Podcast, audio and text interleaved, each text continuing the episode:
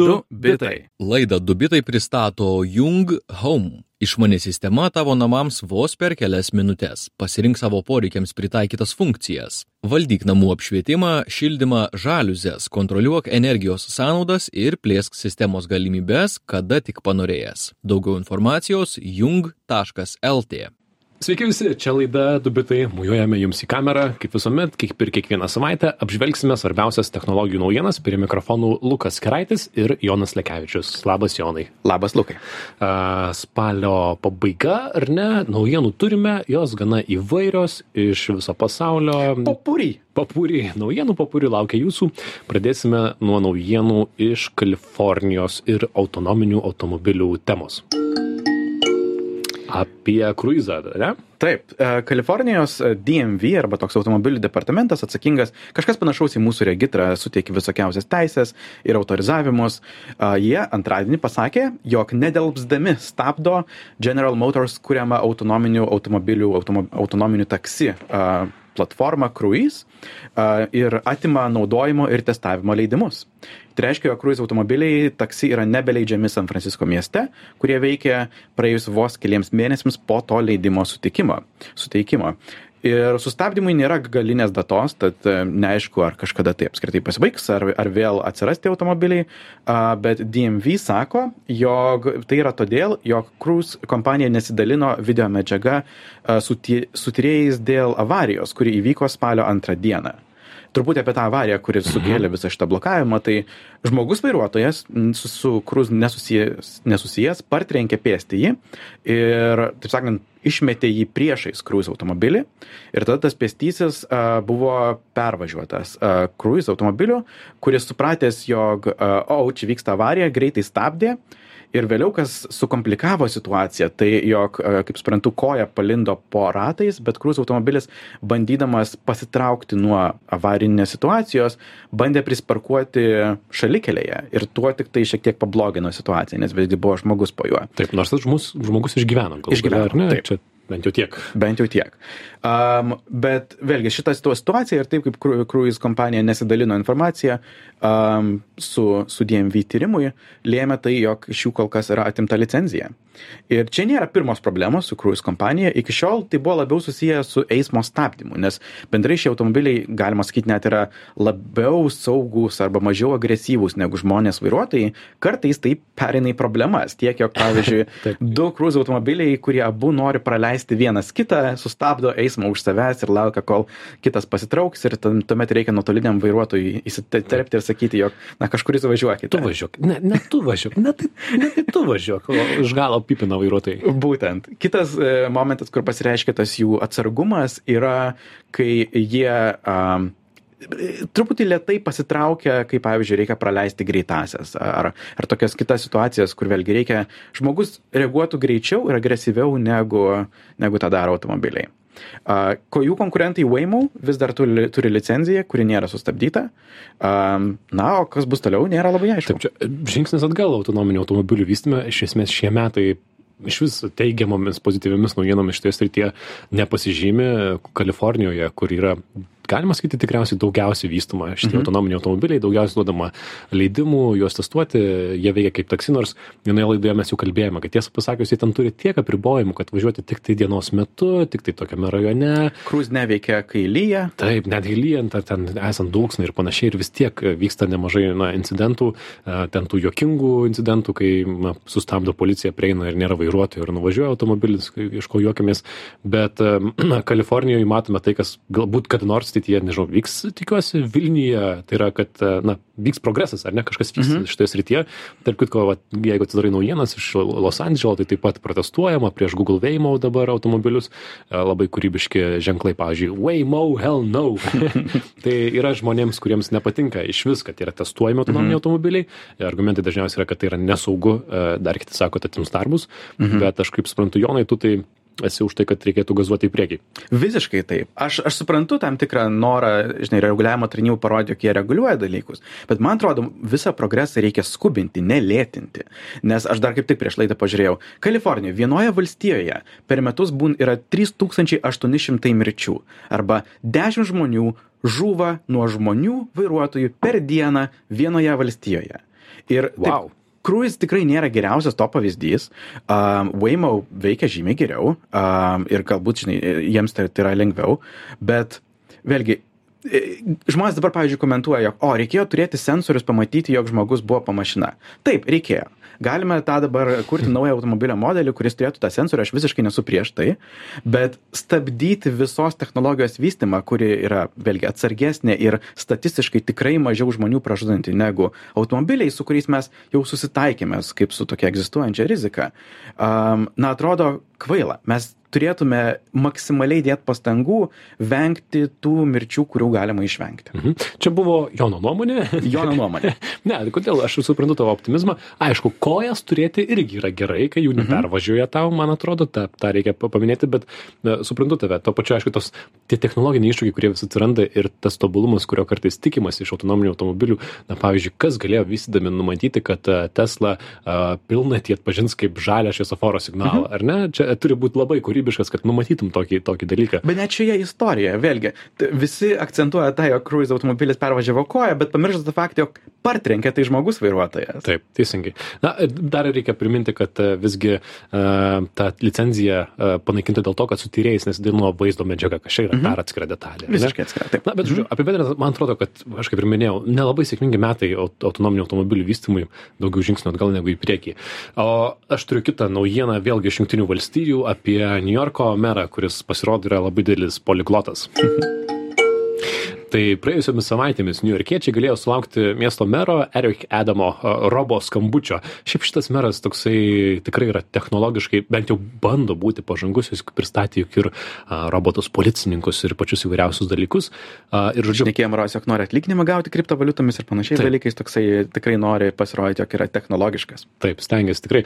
Ir e, tai va, praėjusią savaitę ar kelias savaitės atgal niujorkiečiai gaudavo skambučius. E, Džiaugiuosi, kad Europoje tai nelabai yra populiaru, kai gauni skambutį iš numerio ir tau ten, na, kalba monologą. Sveiki, aš esu meras ir kažką noriu pasakyti, ar ne? Visai būtų įkyru tiesą pasakius. E, tai robo, robo calls, tai yra kalbina, ka- vadinama angliškai, nu, robo skambučiai, nežinau.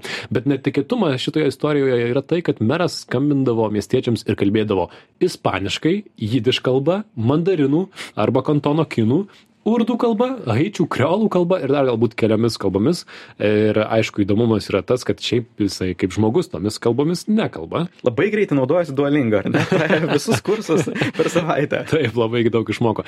Tai čia iš to tame ir, na, netikėtumas, ar ne? Jisai ten kvietė tose kalbose įstarbinti miesto agentūrose, anonsavo renginius, a, bet tiesą pasakius, ta jo kalba buvo, tai yra balso vertimai su dirbtinio intelekto pagalba. Mes savo technologijų, technologijų naujienų grupėje Facebook'e Jonas jau kėlė video, kaip mes su Jonu kalbame ispaniškai ir iš karto... Angliškai? Ai, angliškai teisingai. Bet, žodžiu, tai yra tiesiog Eleven Labs įmonės technologija, kuri leidžia įkelti, pavyzdžiui, mūsų laidos įrašą ir jis bus automatiškai išverčiamas į anglų kalbą. Ir ne tik išverčiamas, jų technologijos įdomumas yra tai, jog yra toks tikras dubliavimas, kur pirmiausia bando atkurti mūsų abiejų skirtingus balsus ir antra bando padaryti, jog laikas sutaptų. Pavyzdžiui, mhm. jeigu mes ištęsiam kažkokią frazę ar kažkurią frazę pasakome labai greitai, jog vėlgi tas laikas dubliavimo greičio irgi sutaptų. Toks atkartojimas, um, na, simuliavimo, jog ly- lyg mes tikrai šnekame kitą kalbą.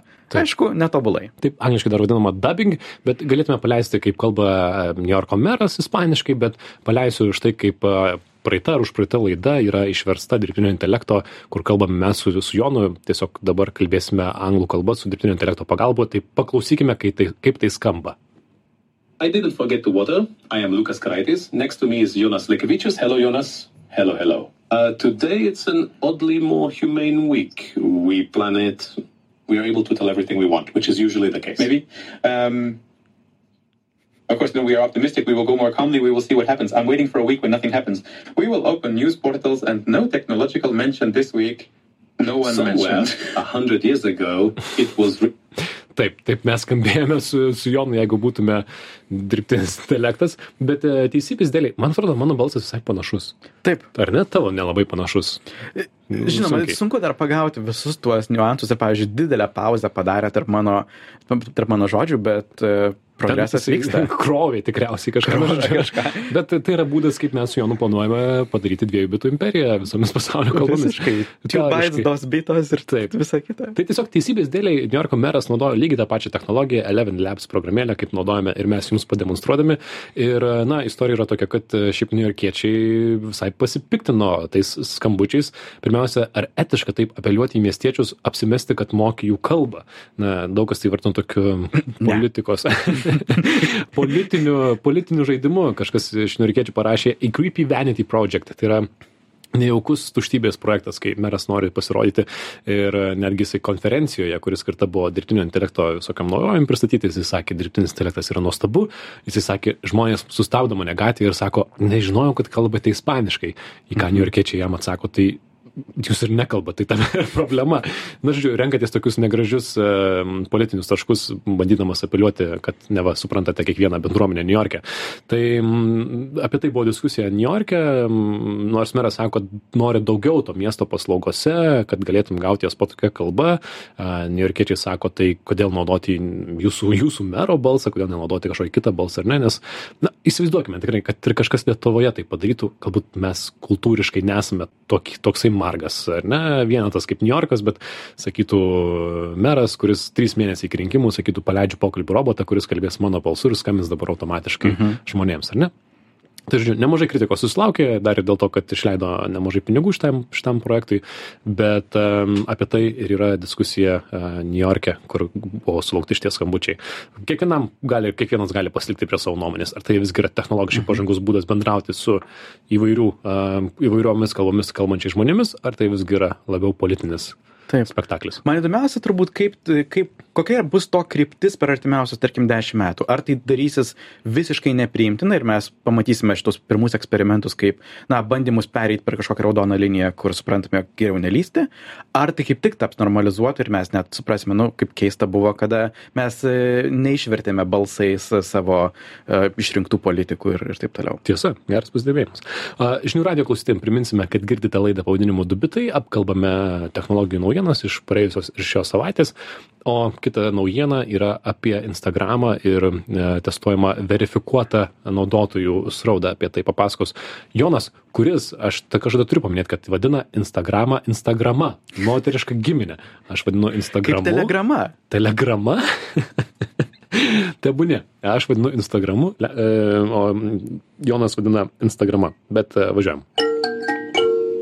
Meta, čia turbūt sutarėm dėl lyties, testuoja naują Instagramos e, srauto filtrą. E, Tai yra srautą, kuriame būtų tik meta verifikuoti vartotojai.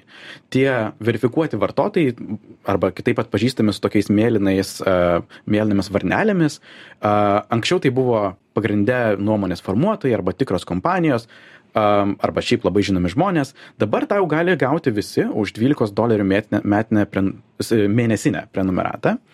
Um, ir išbandžiau tą ir aš, tam reikia pateikti savo tikrą vardą, užstatyti, nu, užstatyti nuotrauką, kurioje vėlgi konkrečiai matosi tavo veidas, vėliau šitų dalykų paprastai negali keisti, net patikrina viską su ID kortele. Žodžiu, tikra verifikacija, mhm. įrodymas, jog tu esi, kas tu esi. Ir tuomet esi verifikuotas tiek Facebook'e, tiek Instagram'e. Teoriškai turėtų tai būti, Ties, Bet bet, kol nėra, kas ne? e, aš ne, negavau dar varnelės Instagramoje. Aš lygiai taip, aš turiu šitą paslaugą, kai dar jinai buvo neapmokestinama, pastariau ir, ir irgi neturiu Instagram'e. Na, žodžiu. Na, tai šie verifikuoti žmonės, jie gauna dabar naują srautą. Vietoj to pagrindinio srauto, kuris šiaip tiesiog algoritminis srautas, galima pasirinkti, iki šiol buvo du srautai, tavo sek, tik sekamų žmonių, žodžiu, ne algoritminis srautas ir tavo mėgstamiausių žmonių, tų favorites. Dabar atsiranda trečias testuojamas srautas, tik verifikuoti profiliai. Ir, na, um, Instagramos vadovas Adamo Seri sako, jog tai yra tikslas padėti žmonėms atrasti turinį iš verslų ir nuomonės formuotojų su, turbūt, e, kas yra nutilėta tarp eilučių, tai jog tai nebūtų grinai šimtaprocentinis algoritminis rautas, kur tiems nuomonės formuotojams reikia konkuruoti su turiniu iš viso pasaulio, iš visų vartotojų, kurie prie ko mes turbūt esame labai pripratę, jog mhm. tai yra toks labai tiktokinis uh, srautas, kur viskas yra pagal tai, į ką tu žiūri. Um, mhm. Ir tai yra neišvengiamai toksai pagalbos šiaudas tiems influenceriams, nes su šito gryno algoritminio srauto atsiradimu na jų matomumas tikrai yra nukritęs. Jie nebeturi tos srauto kontrolės kurią prieš tai turėjo.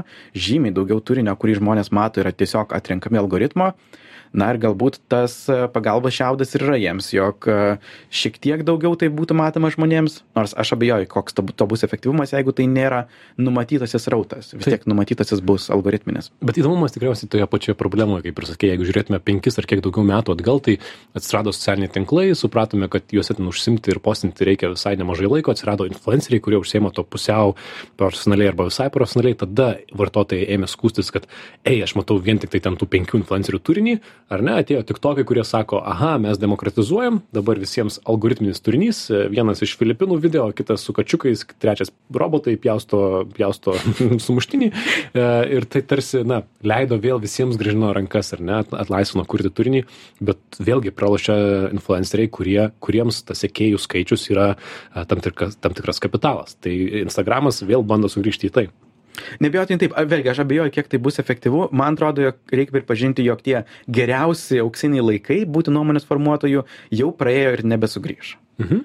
Nebent, Bet, aišku, e, jau jie dabar tapo tokie, na, prieš gerai dešimt metų, ar ne, buvo lab, labiau aišku, kur yra kažkokia įprastinė žvaigždė, kuri groja grupėje arba matoma televizijoje ir internetinė žvaigždė, o dabar visą tai susipinė į Mhm. tokį neatskiriamą kamulį.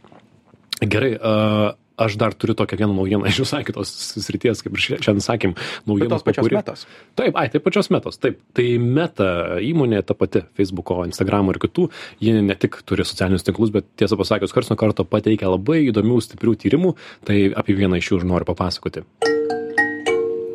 Tai Meta pasidalino tyrimu, jisai angliškai vadinasi Towards a Real-Time Decoding of Images from Brain Activity. Tai yra artėjant link realaus laiko dekodavimo paveikslėlių iš smegenų veiklos. Iš esmės, na, to įžangoje aš to tyrimo klausimo, kaip smegenys iš visų ją patenkančių signalų sukuria ką nors turinčio reikšmės. Ir jeigu kalbant labai paprastai, e, ką pavyko padaryti tyriems, tai jie rodė žmonėms paveikslėlius ir tuomet stebėjo tų žmonių smegenų veiklą ir iš to neblogai atspėjo ir atkūrė, kokį paveikslėlį tie žmonės mato. Uu, skamba baugokai. Taip, čia yra smegenų skaitimas ir jau matėme ir šį vasaros gale buvo apie tai tyrimų. Na, tikrai ne meta vieninteliai taip daro, bet jie padarė tokį tikrai kokybišką tyrimą, įdėsime į technologijų naujienų Facebook grupę paveikslėlius, nes kai ten pamatai vieną šalia kito sugretintus, supranti, kad wow, wow, wow. Tai tyrėjai naudojo neinvazinį neurovaizdavimo metodą, trumpintai MEG, a, kai, žodžiu, per sekundę atliekama tūkstančiai smegenų aktyvumo matavimų. Iš esmės, e, naujovė, labai didelė naujovė čia yra, kad jie tai darė realiu laiku. Mhm. Uh, ir gavo visai neblogus rezultatus. Pavyzdžiui, jeigu duoda paveikslėlį, kur yra kačiukas, tai tas paveikslė- paveikslėlis, kuris spėja, tikrai yra irgi kačiukas ir jis žiūri tuo pačiu kampu iš ten pat. Jeigu paveikslėlį yra lėktuvas, kurio sparnai netelpa į kadrą, tai vėlgi jie spėja, kad na, tai tame tas spėjamas paveikslėlis yra lėktuvas, kurio irgi sparnai yra už kadro, labai labai labai kokybiški vaizdai. E, tai yra, na, dar parodė ir kita technologija padaryta. Mm, padarytus vaizdus, tai yra funkcinė magnetinio rezonanso tomografijos technika, leidžia dar tiksliau nuspėti paveikslėlius, bet tai yra lėtesnė technika, jinai ten skleidžia garsą ir panašiai. Tai žiūrėjau, pirmieji padarė realiu laiku, bet tuo pačiu vieni pažangiausių šitoje srityje dabar yra meta iš to, iš to tyrimo, kurį parodė ir tikrai jis nuskambėjo per internetą pamatai tos paveikslėlius ir supranti, kad wow, mūsų smegenų skaitimas, pavadinkime taip, sapnų filmavimas, artėja link realybės, kad ir kaip taip jokingai skambėtų. Wow. Aišku, aš čia to, tokias dvi mintis turiu. Viena, tai čia tikrai dirbtiniai intelektai yra labai naudingi, nes jie sugeba ištraukti informaciją iš didelio triukšmo ir atkurti tam tikrą struktūrą, kur yra paslėpta tame triukšme, kas yra neišvengiamai smegenų veikla.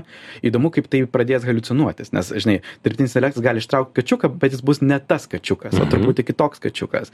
Ir jeigu mes pradėsime pasitikėti tą informaciją, kurią ištraukėme, na, aš esame žiauriai toli nuo to Taip, taip, taško, taip, taip. bet tokia įdomi filosofinis dalykas. Kitas dalykas, iš visų kompanijų, kurios turėtų su tuo eksperimentuoti, meta turbūt yra viena mažiausiai palankių. Nes jau dabar žmonės išsigalvoja tas e, sąmokslo teorijas apie tai, jog ten jų mikrofonai klauso, ką jie kalba ir po to siūlo reklamas, kas yra netiesa. Um, bet vėlgi, meta turi tą tokį įspūdį žmonių galvose, jog jie jau šiaip seka viską, ką daro ir dabar duoti jiems sekti, apie ką mes galvojame, Taip, taip. Nežinau. Ir šitų klausimų tai kyla, na, be to, kad būtų galima ateityje galbūt kurti filmus, juos tiesiog įsivaizduojant, be to, kad pavyzdžiui, jeigu Jonai, tu žiūrėtum filmą ir tuo metu skenuotum savo smegenų veiklą ir siūstum rezultatus man ir aš žiūrėčiau tą filmą, ar tai būtų piratavimas? O, Tikrai, minčių vagi- vagystė. Minčių vagystė. Ne, tai tikrai yra toksai futuristiškas tyrimas ir, na, tiesiog rekomenduoju pažiūrėti į tuos dviejus paveikslelius. Vienas yra, kurį davė žmogui pama- pamatyti ir kitas yra, kurį pavyko nuspėti. Ir rezultatai yra tiesiog, tiesiog neįtikėtinai įspūdingi, tuo labiau, kad tuos e, paveikslelius žmonėms davė pažiūrėti dažniausiai vos pusantros sekundės ir iš to galėjo atspėti. Wow. Tai, žodžiu, tikrai ateitis yra čia. Technologijų naujienos Facebook'o grupėje įdėsiu paveikslėlius, kas norės pažiūrės. O kita naujiena iš Kinijos ir apie dirbtinį intelektą ir įmonę pavadinimu, įmonę ir inter- interneto svetainę pavadinimu Hugging Face. Tikrai taip. Um, kas yra tas Hugging Face, aš gal pirmą papasakosiu, prieš pasakojant, kas nutiko Kinijoje. Tai tai yra didžiausia platforma dalintis atvirais dirbtinio intelekto modeliais. Tokia, na, taškas, kur visi dirbtinio intelekto e, tyrėjai, kurie nori pasidalinti kažkokiu atviru modeliu, gali tenai įkelti, nes tai yra didžiuliai failai, kuriuos taip pat reikia, jeigu nori juos išbandyti internete, reikia juos sugebėti pasileisti. Tai būtent tam yra šita platforma, kurioje šiuo metu yra 365 tūkstančiai modelių ir visi, kas kuria, žino, jog tenai galima įkelti ir pasidalinti. Kai mes patys dalinamės kažkokiais naujais atsiradusiais modeliais, labai neretai net jūs siuntėme į Hugging Face. Mhm. Na ir ši platforma skelbė, jog susiduria su pasiekimumo iššūkiais. Kinijoje, kitaip tariant, juos užblokavo didžioji Kinijos ugnesenė. Ir tas blokavimas vyko palengva, jis neįvyko per vieną dieną, jau visais šiais metais buvo šiek tiek sunkiau tą pasiekti. Žmonės, kai kurie sako, jog nuo jau rugsėjo buvo galima praktiškai nebeįmanoma po to pakrauti, nes Kinija turi tą savo vadinamą didžiąją Kinijos ugnesenę. Tai yra algoritmą, per kurį filtruoja visą srautą, kuris ateina į šalį ir išeina iš šalies ir pagal tai, na, gali sakyti, ko jie nori, ko jie nenori, jog jų interneto žmonės pasiektų. Ir um, vėlgi, pasak tenai esančių dirbtinio intelekto tyrėjų, Hugging Face platforma šiuo metu nebeįmanoma naudotis, nes matytas rautą užblokavo šalies reguliatoriai. Mhm. Kas nėra taip jau stebėtina, nes dar, dar vasarą Kinija paskelbė na, įstatymą, kuri, pagal kurį dirbtinio intelekto modeliai, ypatingai generatyvūs, kurie gali kurti kažką, turi sekti socializmo uh, vertybės. Kas, na, skamba mums juokingai, be abejo, nepamiršime, kad ir Lietuvoje yra įstatymų, kurie e, sako, kad tai, tai ar tai prieštarauja vertybėmis, bet vėlgi tiesą pasakius, jeigu skaitytume pačių ki- kinų naujienų portalus, tai kiek ten tai veikia, kiek to sekama, irgi, na, reikia visą laiką su tam tikrą druską mhm. priimti tai, ar ne? Žinoma. Manau, sudėtingumas su dirbtiniu intelektu ir, ir modeliais yra tai, jog tai yra toks būdas importuoti informaciją. Kokio nors ten čia GPT tu galėtum paklausti apie gegužės 35 ir gauti atsakymą apie Tianmenos aikštės žudynės.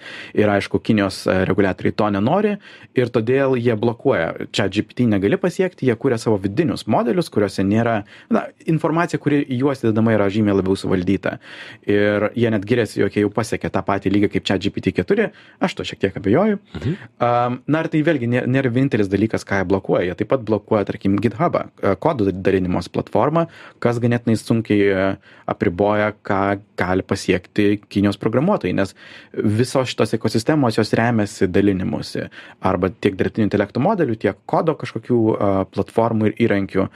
Tad a, iššūkis būti mokslininkų, tyriejų, programuotojų Kinijoje, kaip dalintis su likusiu pasauliu. Mm, Tuo pačiu, sena, tema tuo pačiu ir sena, ar ne, kai mes jau kalbėjome ne kartą, Europa, Junktinės valstijos ir Kinija, kurios kiekvienoje technologijoje bando eiti šiek tiek skirtingais keliais. Būtų aišku įdomu e, išbandyti tuose generatyvaus e, dirbtinio intelekto modeliuose, kad e, ten neleistų sugeneruoti paveikslėlį su Tiananmenio aikštės protestais, tai nebejoju, bet jeigu pamėgintum įrašyti vieną žmogus su maišeliu rankoje stovi priešais keturis tankus, A. įdomu ar eitų, ar ne? Nes tikriausiai ir ten, manau, žmonės randa būdą apeiti, jeigu Wow. reikia. Turbūt taip, žmonės kūrybiški. Taip.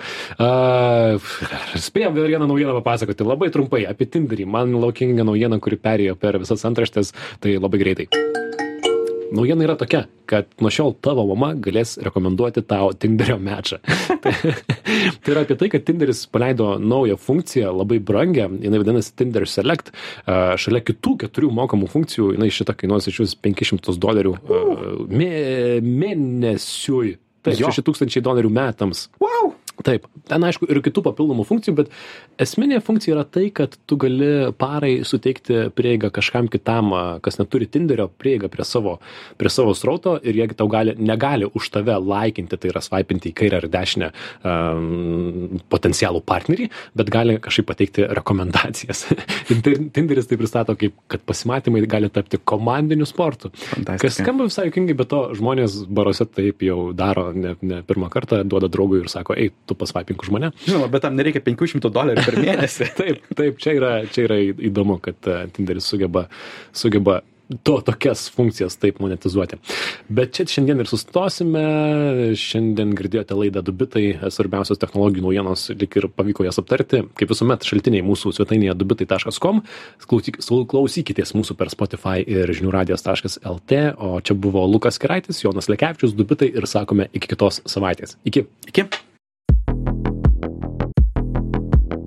Du bitai. Laidą Dubitai pristato Jung Home. Išmani sistema tavo namams vos per kelias minutės. Pasirink savo poreikiams pritaikytas funkcijas. Valdyk namų apšvietimą, šildymą, žaliuzės, kontroliuok energijos sąnaudas ir plėsk sistemos galimybės, kada tik panorėjęs. Daugiau informacijos jung.lt.